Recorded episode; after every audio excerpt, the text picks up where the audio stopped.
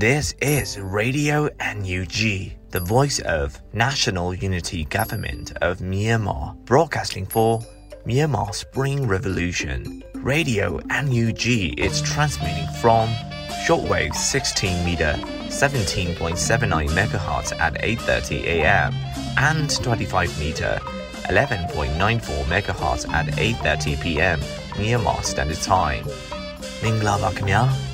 အမျိုးသားညီညွတ်ရေးအစိုးရရဲ့အတန်လွင့်ဌာန Radio NUG ကိုမနက်ပိုင်း၈နာရီခွဲမှာလိုင်းတို16မီတာစက္ကန့်တက်သမ9 MHz ညပိုင်း၈နာရီခွဲမှာလိုင်းတို25မီတာ17တက်သမ6 MHz တို့မှာဓာတ်ရိုက်ဖမ်းယူနိုင်နိုင်ပါပြီမင်္ဂလာအပေါင်းနဲ့ပြည့်စုံကြပါစေအခုချိန်ကစပြီး Radio NUG အစီအစဉ်တွေကိုဓာတ်ရိုက်အတန်လွှင့်ပေးနေပါပြီ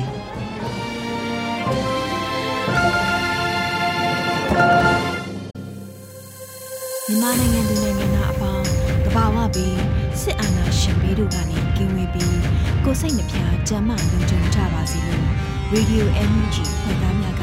ဆုတောင်းမြတ်တာပို့တာပါရှင်။ကာကွယ်ဝင်ကြီးဌာနရဲ့စစ်ရေးတရေအကျဉ်းချုပ်ကိုမျိုးဦးမောင်မှဆက်ပေးမှာဖြစ်ပါရှင်။နိုင်စဉ်စစ်ရေးတရင်အကျဉ်းချုပ်ကိုတင်ဆက်ပေးပါတော့မယ်။စစ်ကောင်စီတပ်သားကြဆုံ9ဦးစစ်ကောင်စီတပ်သားဒဏ်ရာရ3ဦး စစ်ကောင်စီနဲ့တိုက်ပွဲဖြစ်ပွားမှုသတင်းများကိုတင်ဆက်ပေးပါမယ်။ရှမ်းပြည်နယ်တွင်မေလ18ရက်နေ့မနက်9:15မိနစ်ခန့်ကဖဲခုံမြို့နယ်ဖဲခုံမြို့အရှိတ်ဘက်ကမ်းဒေသစီမီလော့ဂျေးရွာအနီးတွင်အရှိတ်ဘက်ကမ်းဒေသကိုစစ်ကြောင်းထိုးလာသည့်စကားဆ၄နှစ်နဲ့တပ်ရင်းနှင့် KNDF BO3 တို့ထိတွေ့တိုက်ပွဲဖြစ်ပွားခဲ့ပြီးရိုက်ကော်အမြောက်တပ်နဲ့၄နှစ်နဲ့တပ်ရင်းအတွင်းမှလက်နက်ကြီးအဆက်မပြတ်ပစ်ကာစစ်ကူခဲ့သည်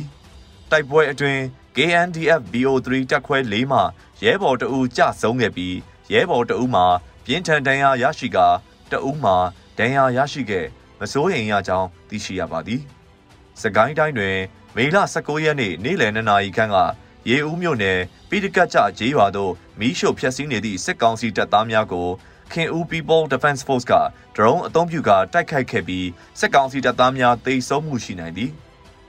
မေလ18ရက်နေ့ည9နာရီခန့်ကမြင်းမူမြို့နယ်နဘဲကျူးကွေကျေးရွာအနီးစကိုင်းမုံရွာကားလမ်းမဘော်တွင်စစ်ကောင်စီထောက်ပို့ကား3စီးကို MNRF မိုးညို Revolution Force Pentagram 9000ကျဲနဲ့ People Revolution Force PRF တို့ကမိုင်းဆွဲတိုက်ခိုက်ခဲ့ရာစစ်ကောင်စီကားတစ်စီးမိုင်းထိမှန်ခဲ့ပြီးစစ်ကောင်စီတပ်သားတအူးသေဆုံးခဲ့သည် မေလ18ရက်နေ့ည7:00နာရီခန့်က မုံရွာမြို့နယ်မုံရွာမြို့တောင်ဘက်မြို့ဝင်မအူဂိတ်အား Golden Eagle အဖွဲ့ကလက်နက်ကြီး၅လုံးဖြင့်ပစ်ခတ်တိုက်ခိုက်ခဲ့သည်ရန်ကုန်တိုင်းတွင် မေလ18ရက်နေ့မနက်9:15မိနစ်ခန့်ကလိုင်တာယာမြို့နယ်အောက်စခန်းတွင်တဲအိမ်များဖြင့်ပြုလုပ်ထားသည့်စက်ကောင်စီ၏ဘန်ကာကို YGN Burmese Ranger Army LDF မြန်မာ Ranger Forces MNRF MYC အဖွဲ့တို့ပူးပေါင်းပြီးလက်ပစ်ဗုံးနှလုံးဖြင့်ပစ်ခတ်တိုက်ခိုက်ခဲ့ရာ စစ်ကောင်စီတပ်သားတအူသေဆုံးခဲ့ပြီး၃ဦးအပြင်းအထန်ဒဏ်ရာရရှိခဲ့သည်တနင်္သာရီတိုင်းတွင် မေလ18ရက်နေ့မနက်9:30ခန်းကတနင်္သာရီမြို့နယ်တိန်တော်အုပ်စုဗန်းပြေအနောက်ကျေးရွာတွင်စစ်ကောင်စီတပ်သားများနဲ့ငကန်နက်အဖွဲ့တို့နာယီဝတ်ကြာတိုက်ပွဲဖြစ်ပွားခဲ့ပြီးစစ်ကောင်စီတပ်သား9ဦးခန့်သေဆုံးခဲ့သည် မေလ18ရက်နေ့မနက်7:29မိနစ်ခန့်က တနင်္သာရီမြို့နယ်ကိုးမိုင်တောင်ဘက်တွင်စစ်ကောင်စီနှင့်ဗန်းမလိုက်ပျောက်ကြားအဖွဲ့တို့တိုက်ပွဲဖြစ်ပွားခဲ့သည်မေလ18ရက်နေ့ညနေ4:73မိနစ်ခန့်ကတနင်္သာရီမြို့နယ်ဇဝဲတကူလမ်းရှိကိုးမိုင်တောင်တွင်ဗန်းမလိုက်ပျောက်ကြားအဖွဲ့ကစစ်ကောင်စီတပ်သားများကိုမိုင်းဆွဲတိုက်ခိုက်ခဲ့ရာစစ်ကောင်စီတပ်သားများတိတ်ဆုံးမှုများပြားခဲ့သည်ဆက်လက်ပြီးစစ်ကောင်စီကျူးလွန်သောရာဇဝတ်မှုများကိုတင်ဆက်ပေးပါမယ်။ကရင်ပြည်နယ်တွင် မေလ16ရက်နေ့ကစပြီးကော့ဂရိတ်မြို့နယ်ကော့ဂရိတ်မြို့အခြေစိုက်စစ်ကောင်စီတပ်အမှတ်60ခွန်တရင်ကမြို့ဤအနောက်ဘက်ပိုင်းရှိတောင်ကြားအင်းကျေးရွာများဘက်သို့သုံးရက်ဆက်တိုက်အကြောင်းမဲ့လက်နက်ကြီးပစ်ခတ်မှုများပြုလုပ်ခဲ့သဖြင့်ပြည်သူပိုင်းနေအိမ်များထိခိုက်ပျက်စီးမှုရှိခဲ့သည်။စကိုင်းတိုင်းတွင် မေလ19ရက်နေ့နေ့လယ်3နာရီခန့်ကကတာမြို့နယ်အင်းကျေးရွာသို့စစ်ကောင်စီတပ်သားများဝင်ရောက်ပြီးနေအိမ်အလုံး20ခန့်ကိုမီးရှို့ဖျက်ဆီးခဲ့သည်။ မေလ19ရက်နေ့မနက်၈နာရီခန့်ကစပြီးမြောင်မြို့နယ်မြောင်ကားရကျေးရွာကိုမီးရှို့ဖျက်ဆီးခဲ့သောစစ်ကောင်စီတပ်သား200ခန့်ကရွာပလဲကျေးရွာသို့လက်နက်ကြီးများဖြင့်ပစ်ခတ်ဝင်ရောက်ခဲ့သည်။မေလ18ရက်နေ့ညနေ3နာရီခန့်ကမြောင်မြို့နယ်ပန်းညိုကျေးရွာသို့ရောက်ရှိလာသောစစ်ကောင်စီတပ်သား200ခန့်ကညောင်ကားရကျေးရွာသို့တွားရောက်ကာပြည်သူပိုင်နေအိမ်17လုံးကိုမိရှို့ဖျက်ဆီးခဲ့သည် မေလ18ရက်နေ့မနက်8:30ခန်းကရေစကြိုမြို့နယ်ကြောက်ဖူးကုန်းကျေးရွာမှစစ်ကောင်စီတပ်သား200ခန့်ကမြောင်မြို့နယ်ပန်းညိုကျေးရွာသို့ဝင်ရောက်ခဲ့ပြီးပြည်သူပိုင်နေအိမ်များကိုမိရှို့ဖျက်ဆီးခဲ့သည်မကွေးတိုင်းတွင် မေလ19ရက်နေ့မနက်9:30ခန်းကမြိုင်မြို့နယ်တောင်ပိုင်းရှိပန်းနိုင်တော်ကျေးရွာကိုစစ်ကောင်စီတပ်သားများနဲ့ပြူစောထီများတနက်ပြစ်ဖောက်ဝင်ရောက်ကပြည်သူပိုင်နေအိမ်များကိုမိရှို့ဖျက်ဆီးခဲ့သည် မေလ19ရက်နေ့မနက်10:30မိနစ်ခန့်ကထီးလင်းမြို့နယ်ပုံညာဘက်မှရေပုတ်ရွာနာသို့စစ်ကောင်စီတပ်သား40ဦးကျော်ရောက်ရှိလာပြီးလမ်းပြအဖြစ်မြက်မြောက်ရွာသားတအူးနဲ့ရေပုတ်ရွာသားတအူးကိုဖမ်းဆီးခေါ်လာခဲ့သည်မန္တလေးတိုင်းတွင် မေလ18ရက်နေ့မနက်4နာရီခန့်ကပြည်ကြီးတကူမြို့နယ်ရာတော်ရက်ကွက်ထဲသို့စစ်ကောင်စီများဝင်ရောက်လာက၎င်းတို့ရှားသည့်သူကိုမတွေ့တဲ့ဖြစ်ထိုသူ၏ညီဖြစ်သူနှင့်မိသားစုဝင်များကိုဖမ်းဆီးသွားခဲ့သည် မေလ18ရက်နေ့က ငန်းစုံမြို့နယ်အမှတ်၁ရက်ကွက်တွင်နေထိုင်သူအမျိုးသားဒီမိုကရေစီအဖွဲ့ချုပ်မြင်းချံခရိုင်အလုံအမှုဆောင်ဒုဥက္ကဋ္ဌဦးချိုလိုင်ကိုစစ်ကောင်စီများကနေအိမ်တွင်ဖမ်းဆီးသွားခဲ့သည်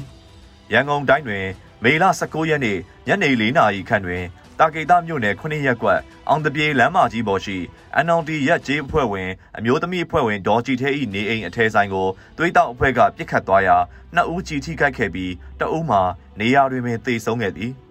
မေလ18ရက်နေ့ညနေ9နာရီခန့်ကလှိုင်မြို့နယ်အင်းစိန်လမ်းမပေါ်ရှိဒုက္ခမှတ်တိုင်အနီးတွင်စစ်ကောင်စီအဖွဲ့ဝင်များကအမျိုးသားအမျိုးသမီး15ဦးခန့်ကိုဖမ်းဆီးသွားခဲ့သည်မေလ18ရက်နေ့ကတကုံမြို့သစ်အရှိပိုင်းမြို့နယ်9ရက်ကွက်နဲ့10ရက်ကွက်တွင်လူငယ်9ဦးကိုစစ်ကောင်စီများကဖမ်းဆီးခဲ့သည်ယခုတင်ဆက်ပေးခဲ့တာကတော့ကာကွယ်ရေးဝန်ကြီးဌာနအမျိုးသားညီညွတ်ရေးအစိုးရမှထုတ်ဝေသောနိုင်စဉ်စီရေးသတင်းအချင်းချုပ်ပဲဖြစ်ပါတယ်ကျွန်တော်ကတော့ຫນွေဦးမောင်ပါခင်ဗျာ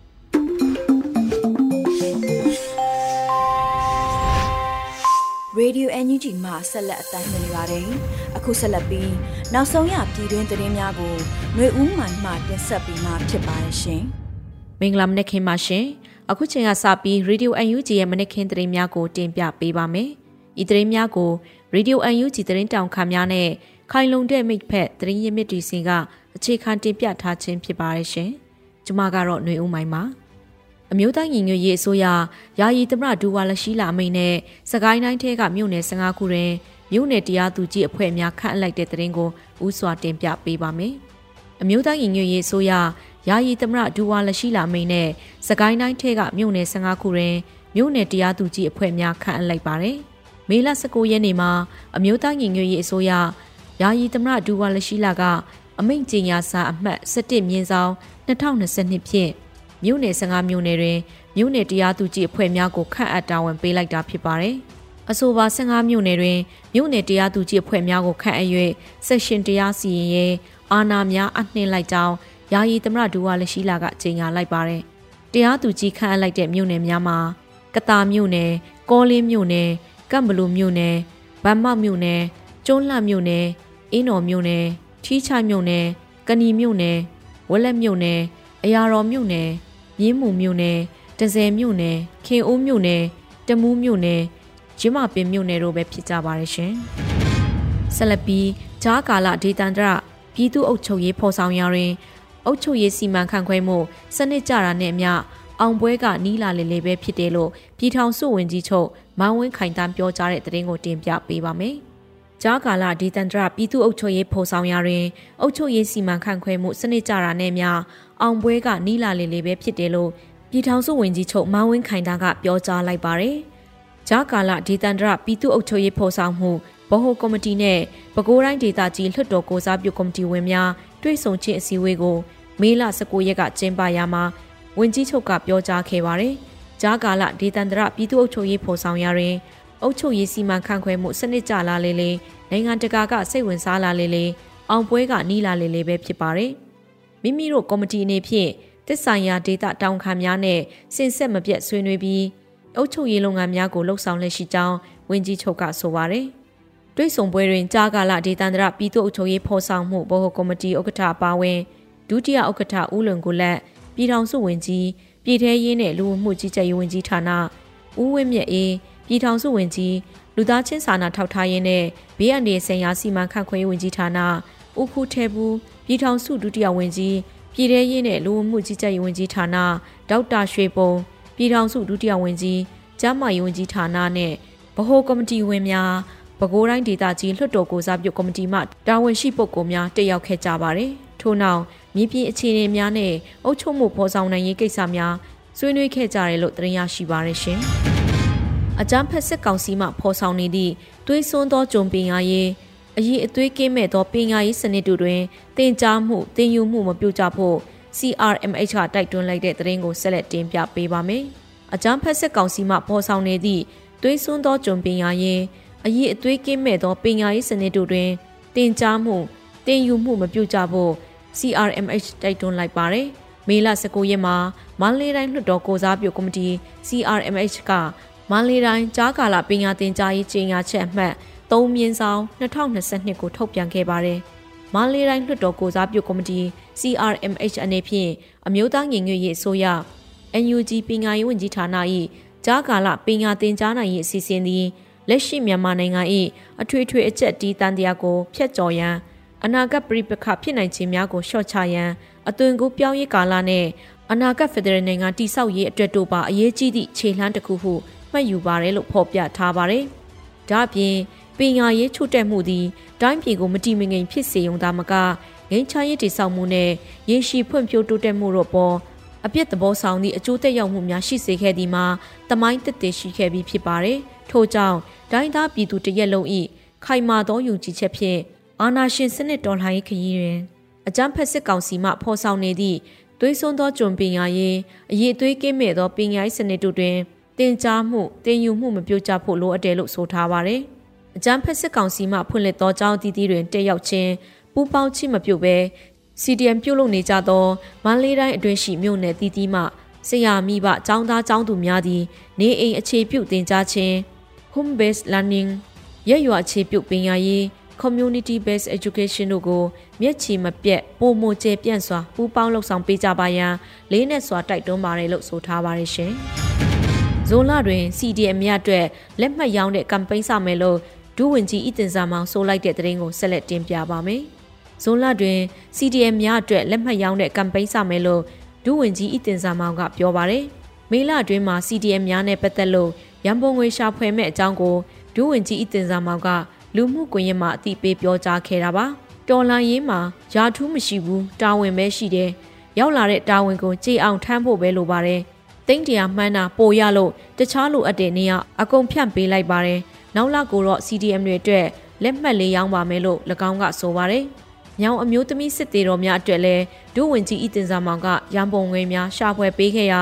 တိန့်ရာနဲ့ချီရရှိခဲ့ပြီးလက်တလောမြေအောက်ခုံများအမီနဲ့ရန်ပုံငွေရှာဖွေပေးရရင်လည်းသိန်း300ကျော်ရရှိခဲ့ပါတယ်။ဒေါ်လာရေးကာလမှာတက်နိုင်သမျှအရာအကုန်လုံးကိုတီးခံပါတယ်။ကိုလုံမှအလုပ်ဆိုပြီးမတက်မှတ်ဘူး။သူများလုပ်တဲ့အလုပ်တွေလည်းနိုင်သမျှအကုန်ကူတယ်။ ငွေကြေးတက်နိုင်တဲ့သူတွေလည်းများများလှူပေးပါ။စစ်အာဏာရှင်အောက်မှာတော့ဘယ်သူမှအသက်ရှူမချောင်ဘူး။နောက်နှစ်အဖမ်းခံရတာကကျမလည်းဖြစ်သွားနိုင်တယ်လို့ရှင်တို့လည်းဖြစ်သွားနိုင်ပါတယ်လို့ဒုဝန်ကြီးအီတင်စာမောင်ကထပ်မံဆိုပါရရှင်။အာဆီယံ၏မတရားအကြမ်းဖက်မြန်မာစစ်တပ်နဲ့ကာကွယ်ရေးကဏ္ဍဆက်လက်ပူးပေါင်းဆောင်ရွက်မှုများဟာစိတ်ပြက်ဖွယ်ကောင်းလာကြောင်း Justice for Myanmar ကဆိုလိုက်တဲ့သတင်းကိုဆက်လက်တင်ပြပေးပါမယ်။အာဆီယံ၏တရားမဝင်အကြမ်းဖက်မြန်မာစစ်တပ်နဲ့ ကာကွယ်ရေးကဏ္ဍဆက်လက်ပူးပေါင်းဆောင်ရွက်မှုများဟာစိတ်ပြက်ဖွယ်ကောင်းလာကြောင်း Justice for Myanmar ကဆိုလိုက်ပါတယ်။ကမ္ဘောဒီးယားကအင်ရှင်ဖြစ်ဖနွမ်းပင်၌မေလ18ရက်18ရက်တို့တွင်ကျင်းပသည့်အာဆီယံ၏အကြီးတန်းကာကွယ်ရေးအရာရှိများအစည်းအဝေး ADSOM နဲ့ ADSOM+ မိဖက်အစည်းအဝေးသို့ဩစတြေးလျတရုတ်အိန္ဒိယဂျပန်နယူးဇီလန်တောင်ကိုရီးယားရုရှားနဲ့အမေရိကန်နိုင်ငံတို့မှကာကွယ်ရေးဝန်ကြီးဌာနဝန်ထမ်းများနဲ့ စစ်ပတ်ဆိုင်ရာပုဂ္ဂိုလ်များတက်ရောက်ခဲ့ကြတယ်လို့ဆိုပါတယ်။တွိတ်ဆုံပွဲသို့အကြမ်းဖက်မြန်မာစစ်တပ်ကာကွယ်ရေးဝန်ကြီးဌာန၏ကိုယ်စားလှယ်အဖြစ်ဒုတိယညွှန်ကြားရေးမှူးချုပ်ဇော်ဇော်စိုးကတက်ရောက်ခဲ့ပြီးဇော်ဇော်စိုးသည်အကြမ်းဖက်အဖွဲ့အစည်းကိုကိုစားပြုသောဝန်ထမ်းဖြစ်သည့်အတွက်နိုင်ငံရေးနဲ့မသက်ဆိုင်သည့်ကိုယ်စားလှယ်မဟုတ်ဘူးလို့ Justice for Myanmar ကထုတ်ပြန်ပါတယ်။အာဆီယံနဲ့အမေရိကန်တို့ကမြန်မာနိုင်ငံတွင်လူအခွင့်အရေးနဲ့အခြေခံလွတ်လပ်ခွင့်များဆိုင်ရာကရိကိုဝဲများကိုထင်ဟပ်စေမိ ငင်းချရေးအဖြစ်တစ်ခုစီသို့ရောက်ရှိရန်ကျွန်ုပ်တို့သည်စုပေါင်းကြိုးပမ်းအားထုတ်မှုများကိုနှစ်ဆတိုးမြင့်မိဟုကကရိပြုပါသည်ဆိုသည့်ပူးတွဲကြေညာချက်ကိုထုတ်ပြန်ပြီးတပတ်အကြာအာဆီယံအမေရိကန်ကာကွယ်ရေးအရာရှိများတွိတ်ဆုံပွဲတွင်အကြမ်းဖက်စစ်တပ်ပါဝင်လာခြင်းဖြစ်ပါတယ်။အာဆီယံကာကွယ်ရေးအကြီးတန်းအရာရှိအစည်းအဝေး AGSOMD ဇွန်လတွင်ကျင်းပမိအာဆီယံကာကွယ်ရေးဝန်ကြီးများအစည်းအဝေး ADMM တွင်ဆွေးနွေးမိစာရန်မူကျန်းကိုအတည်ပြုခဲ့ပါတယ်။ ထိုမူကျန်းတွင်ဆက်ဖက်ပညာရေးဆိုင်ရာအဖွဲ့အစည်းများကြားပူးပေါင်းဆောင်ရွက်ရေးအဖြစ်ရေတပ်များအကြားတရင်အချက်လက်မျှဝေခြင်းကာကွယ်ရေးနဲ့စိုက်ဘာလုံခြုံရေးဆိုင်ရာအစီအစဉ်များပါဝင်ပါတယ်ရှင်။ Radio Energy မှာဆက်လက်တင်ပြနေပါတယ်။အခုဆက်လက်ပြီးတော်လန်ရေးတေးဂီတာအစီအစဉ်လေးနဲ့ David Light တီးဆိုထားတဲ့ခွန်အားဖြည့်မိငယ်ဆိုတဲ့ဒီသချင်းကိုနာတော်တာဆရာမှာဖြစ်ပါတယ်ရှင်။။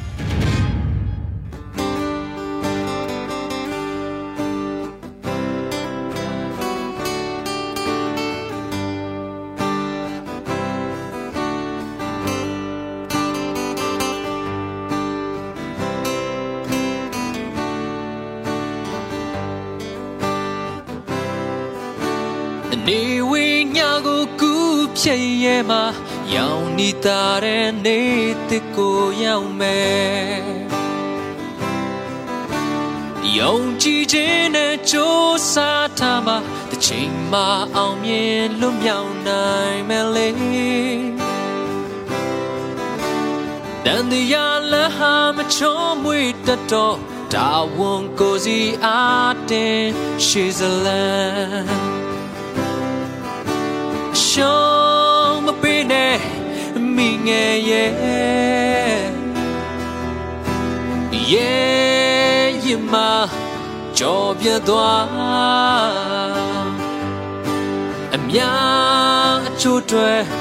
တာဝန်တန်ရွတ်တဲ့အခါတကယ်ကိုကြိုးစွန်နိုင်မှာ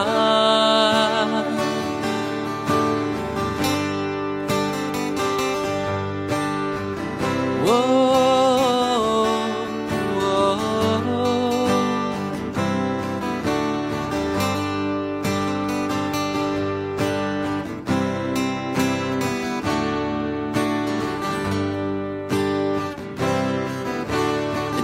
ရေလိုင်းတွေတရိပ်ရိပ်တက်တော့ပင်လေပြေဟာလှုပ်ခရစမြဲလေ and the end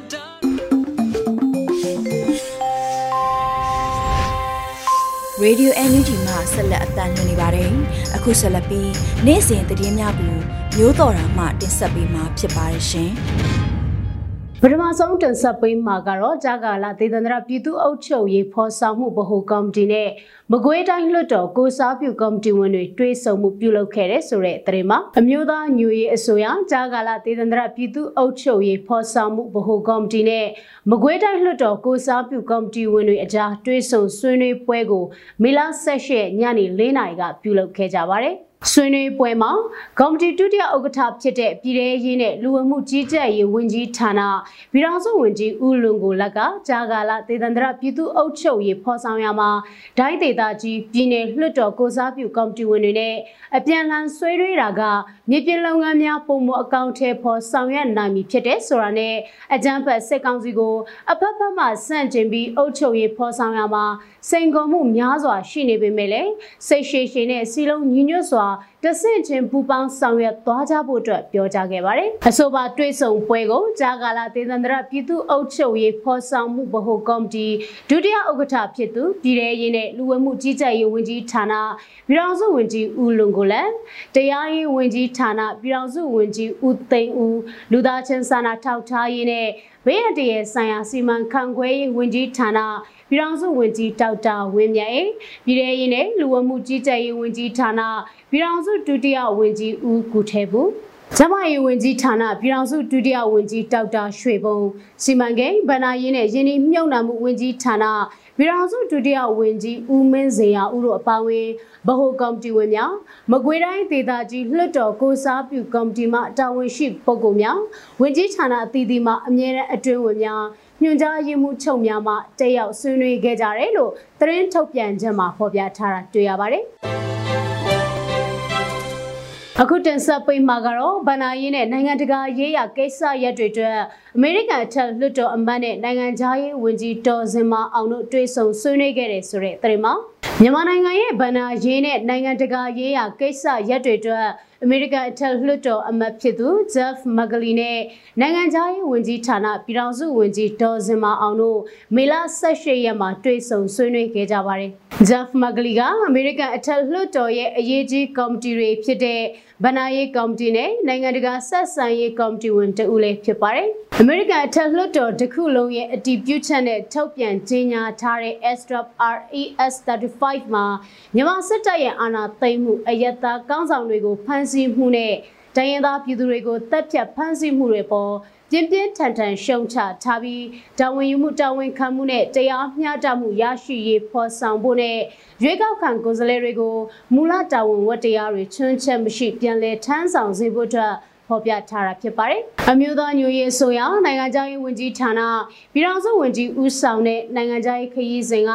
တိုင်းရင်းသားပြည်သူများလိုလားတောင်းတတဲ့ဖက်ဒရယ်ပြည်ထောင်စုတရက်ပေါ်ပေါက်ရင်းမှာအရေးကြီးတဲ့ကုညီပံ့ပိုးမှုတွေပုံမူရရှိနိုင်ဖို့လူကိုယ်တိုင်သွားရောက်တွေ့ဆုံတဲ့အစည်းအဝေးတွေလည်းဖြစ်ပါတယ်။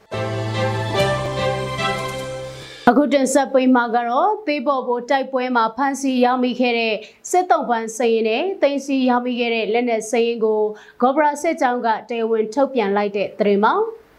မြဝရီခရိုင်မြဝရီဝေါ်လီကာလန်ဘေးသေးဘော့ဘိုရွာအနီးမှာစကန်ချထားတဲ့အကြံဖက်စစ်ကောင်စီတပ်စကန်ကိုသိမ်းပိုက်ပြီးတဲ့နောက်ဖမ်းဆီးရမိခဲ့တဲ့စင်တုပ်ပန်းစရင်နဲ့သိမ်းဆီးရမိခဲ့တဲ့လက်နက်စရင်ကိုဂေါဘရာစစ်ကြောင်းကတေဝင်ထုတ်ပြန်လိုက်ပါတယ်စကန်သိန်းတိုက်ပွဲအတွက်တိုက်ပွဲကြာမြင့်ချိန်၄နာရီထိကြာခဲ့ပြီးတော့မေလ18ရက်မနက်ပိုင်းကတိုက်ပွဲစပြီးမွန်းလွဲပိုင်းမှာစကန်ကိုသိမ်းပိုက်နိုင်ခဲ့တာလည်းဖြစ်ပါတယ်။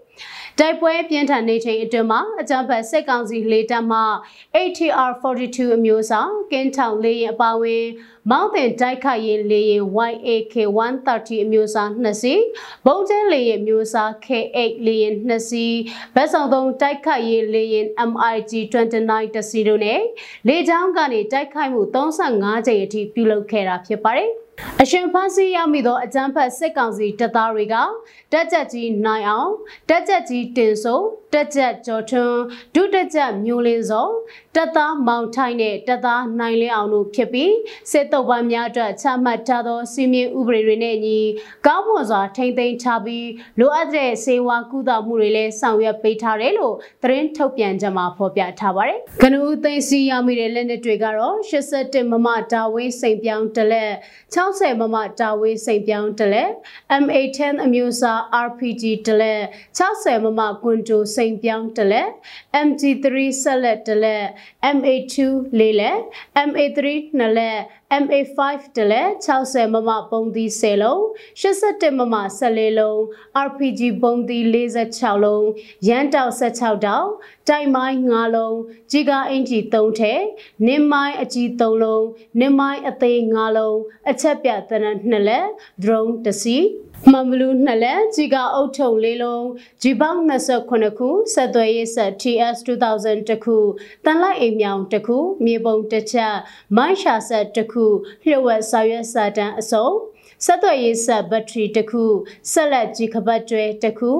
5.56G 3000တောက်ခန့်9.6နှစ် G 4000တောက်ခန့်အချက်ပြကြီး10တောင်ဆက်သွယ်ရေးဆက်အသေးတစ်လုံးဂျက်မဆက်တစ်လုံးတို့ဖြစ်တယ်လို့ဖော်ပြထားတာတွေ့ရပါတယ်။တိုက်ပွဲအတွင်းမှာတော်လန်ရေးရဲဘော်3ဦးကနိုင်ငံအတွက်နဲ့ပြည်သူ့အတွက်မြင့်မြတ်စွာနဲ့အသက်ပေးလူကြဆုံးခဲ့ရပါတယ်။နောက်ထပ်တော်လန်ရေးရဲဘော်၄ဦးကတော့မစိုးရိမ်ရတဲ့တန်ရာရရှိခဲ့ပါတယ်။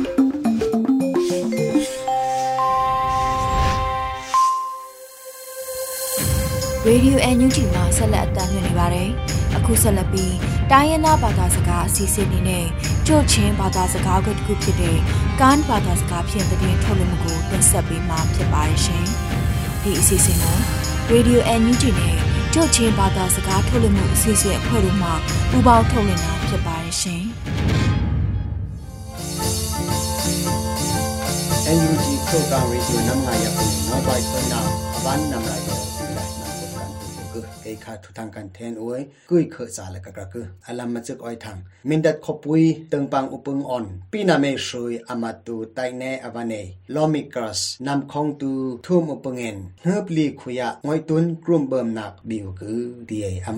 ปังอุปงอ่อนปีนาเมชุยอามาตูไตเนอวานเนลอมิกัสนำของตูทุ่มอุปงเงินเฮือบลีขุยะงอยตุนกลุ่มเบิ่มหนักบิวคือดีเออมองมินดัดสุกิตวนแต่ก็คือกุมทองนี่กุมทองกุมนี่คอยคราเฮลีนเฮบชิลาอัมงอยเอกรุมเบิมนากามินดัดขปุยปีนาเมกุดปอมลำเติงทุกคนเงิมปุยอุกตีอยากลอมคืออปันฮีนาคอยทาง National Unity Government NUG Foreign Minister โตเซมมาอังอุมิงกูนายมีตึงปัง UN Arakan National League Chairman โบชุกทุนยันนาย General Secretary Dr. New Twin Ang Arakan Rame ปีนำสุกิตูโจอ ยคอยคราเทรุกเนปะออนไลน์มีติ้งคนนึกลงปัญหิคุยะกัมบิกตีลา National Unity Government NUGN ตะกืออาคัดโจอยอัมหุกรุนากาตูมงอยนิมโอเตรัมเทศนาเกอมองมาออนไม้ลำมามองหัตุมุยละดีลอยตีอมองเปงเปงเย็ดเย็ดละกัมตึกเอ็นมิกมุกงไงเอื้อตึงอพีอเพรมยามซาลา Ministry อเพอเพอออนกัมตึกกตีอยากลอมคืออปทุมอ้อย ทาง